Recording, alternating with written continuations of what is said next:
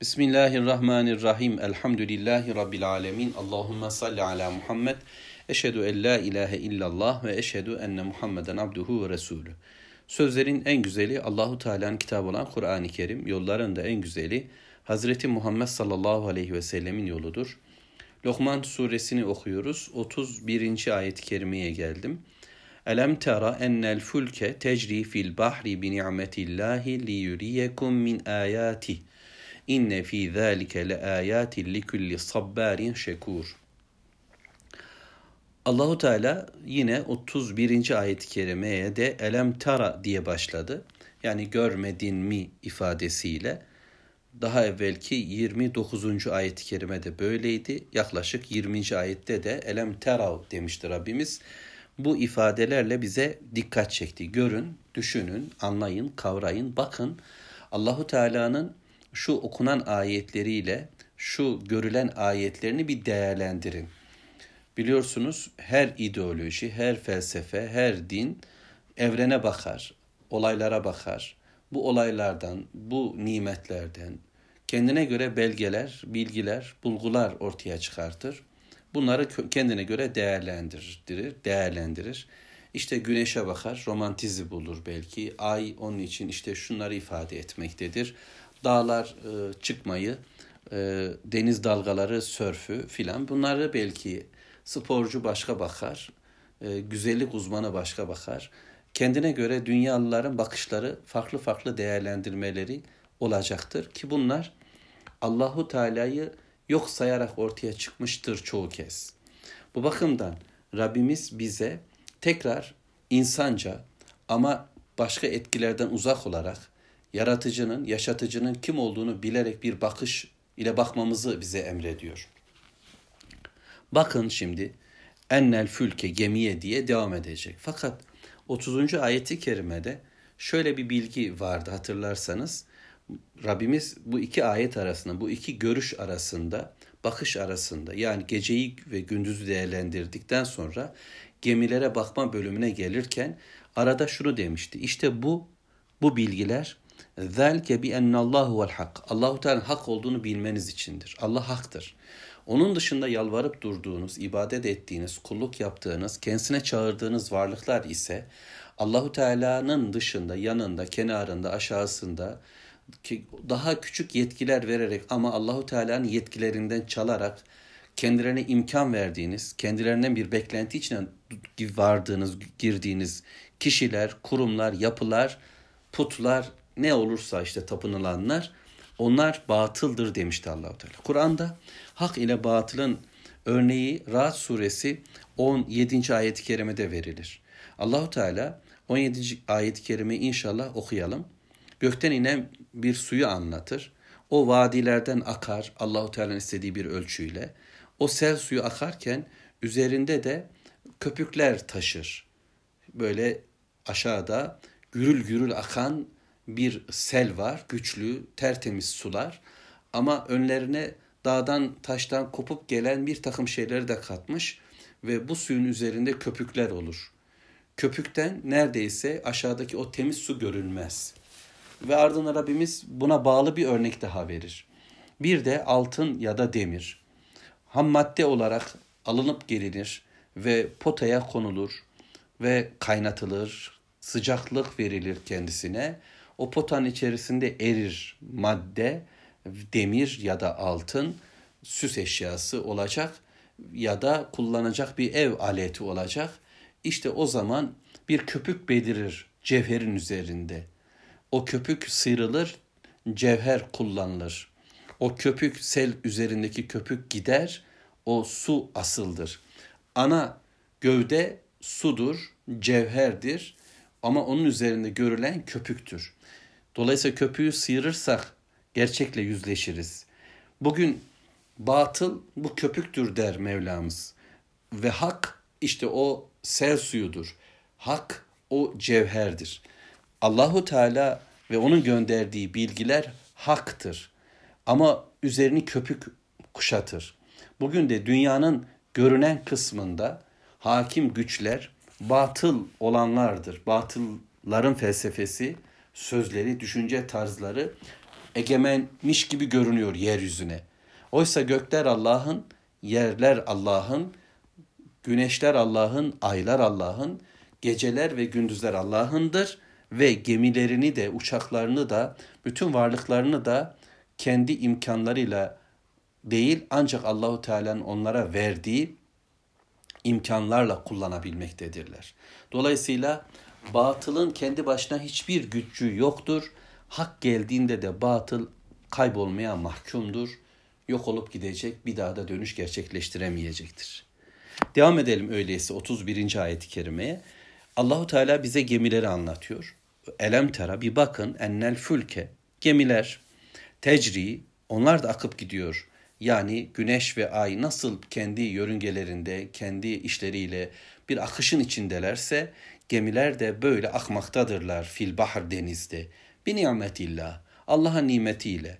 Li yuriyekum min ayatih. Böylece Allahu Teala'nın ayetlerini göresiniz diye Allahu Teala bunları bize gösteriyor.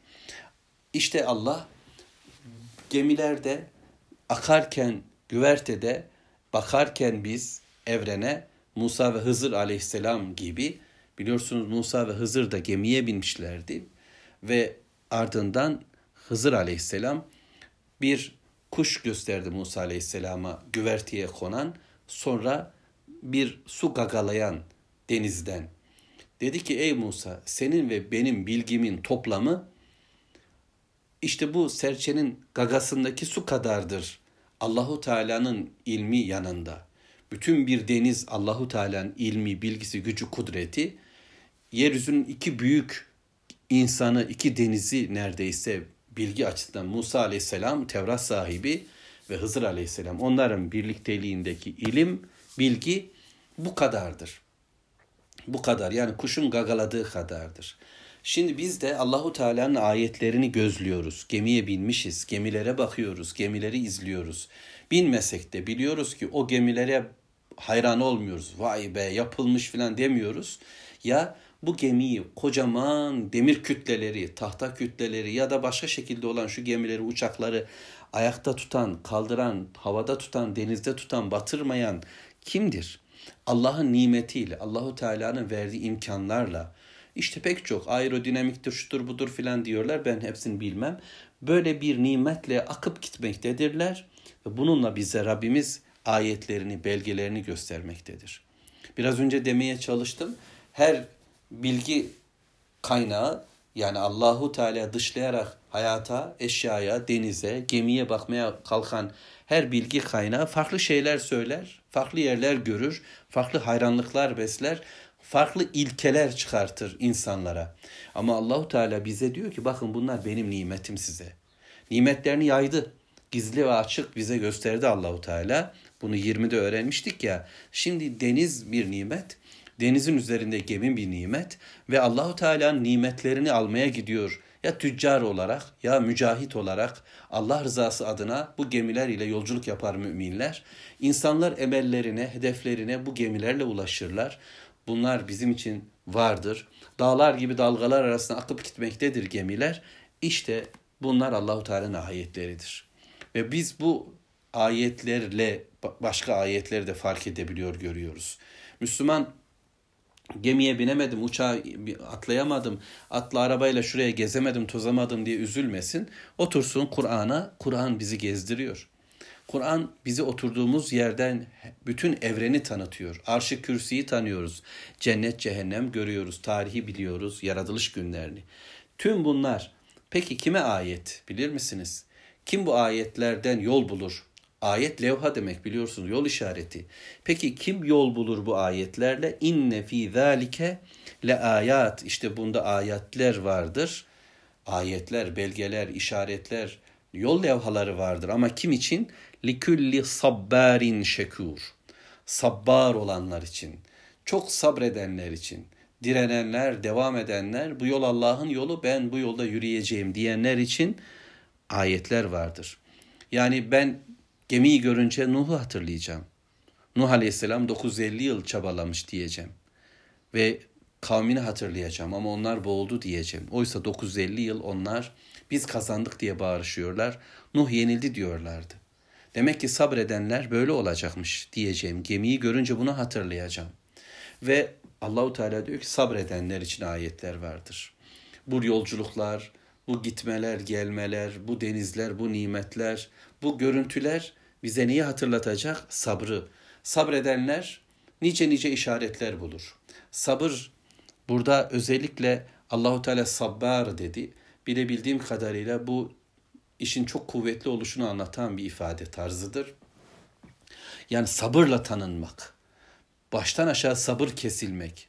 Hani Talut ve Calut kıssasında Müslümanlar kafirlerin ordusuyla karşılaştıklarında az olarak 313 kadar Müslüman dev bir orduyla karşı karşıyalar. Ne demişlerdi? Ya Rabbi üzerimize sabrı dök dediler.